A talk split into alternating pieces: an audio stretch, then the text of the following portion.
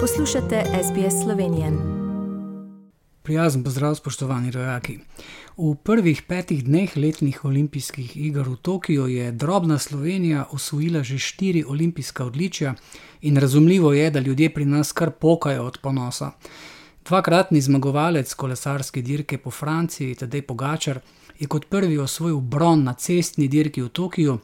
Za njim je dan kasneje postal olimpijski prvak slovenski kanuist na divjih vodah Benjamin Savšek, olimpijska prvakinja v Judu iz Rio de Janeiro leta 2016, Tina Trstenjak je v Tokiu postala srebrna olimpijska podprvakinja, četrti slovenski dobitnik medalje, doslej pa je izjemni kolesar Primoš Roglič, ki je po odstopu na dirki po Franciji zaradi poškodbe pred nekaj tedni celo razmišljal, ali naj sploh odpotuje v Tokio na to pa postal olimpijski prvak v dirki na čas oziroma tako imenovanem kronometru.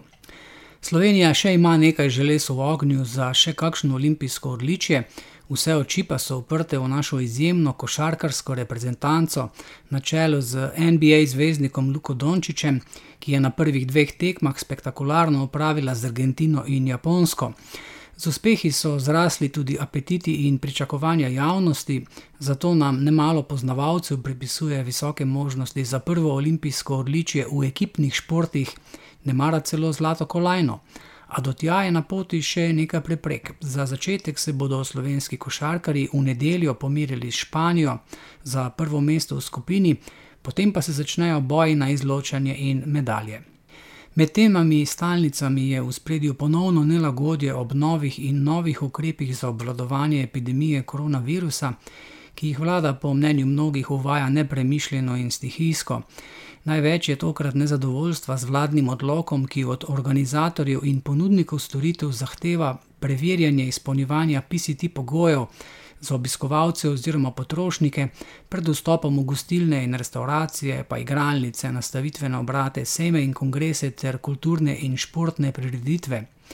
Informacijska pooblaščenka je denimo že po predstavitvi prve aplikacije za preverjanje, ki jo je predstavil Nacionalni inštitut za varovanje zdravja, opozorila, da brez ustrezne pravne podlage osebnih podatkov ni dopustno obdelovati za različne namene, prenos aplikacij, ki jih uporablja policija v zasebni sektor, pa ne bi smel potekati brez ustrezne zakonske ureditve. Zaradi nedelovanja aplikacije so to kasneje umaknili iz uporabe, izvajalci storitev pa so morali izpolnjevanje pogojev PCT preverjati na podlagi dokazil, ki so jih obiskovalci oziroma gosti predložili v tiskani ali elektronski obliki, kar je po mnenju pravnih strokovnjakov prav tako nedopustno. Za konec pa še bolj kulturno obarvana novica. Odbor za svetovno dediščino UNESCO je na seznam svetovne naravne in kulturne dediščine upisal izbrana dela arhitekta Jožeta Plečnika v Ljubljani. Nominacijo dela Jožeta Plečnika Urbano oblikovanje po meri človeka je pod vodstvom Ministrstva za kulturo koordiniral Muzej za arhitekturo in oblikovanje, kandidaturo pa smo vložili pred letom dni.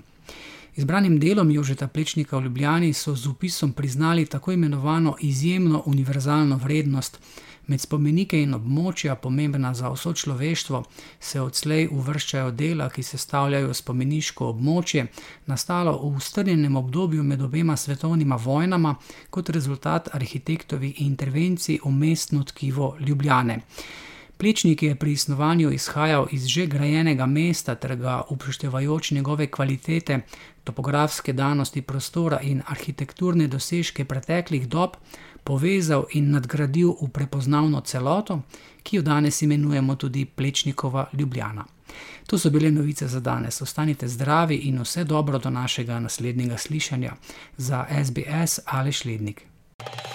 Želite slišati sorodne zgodbe? Prisluhnite jim preko Apple ali Google podcasta, preko aplikacije Spotify ali kjerkoli drugje.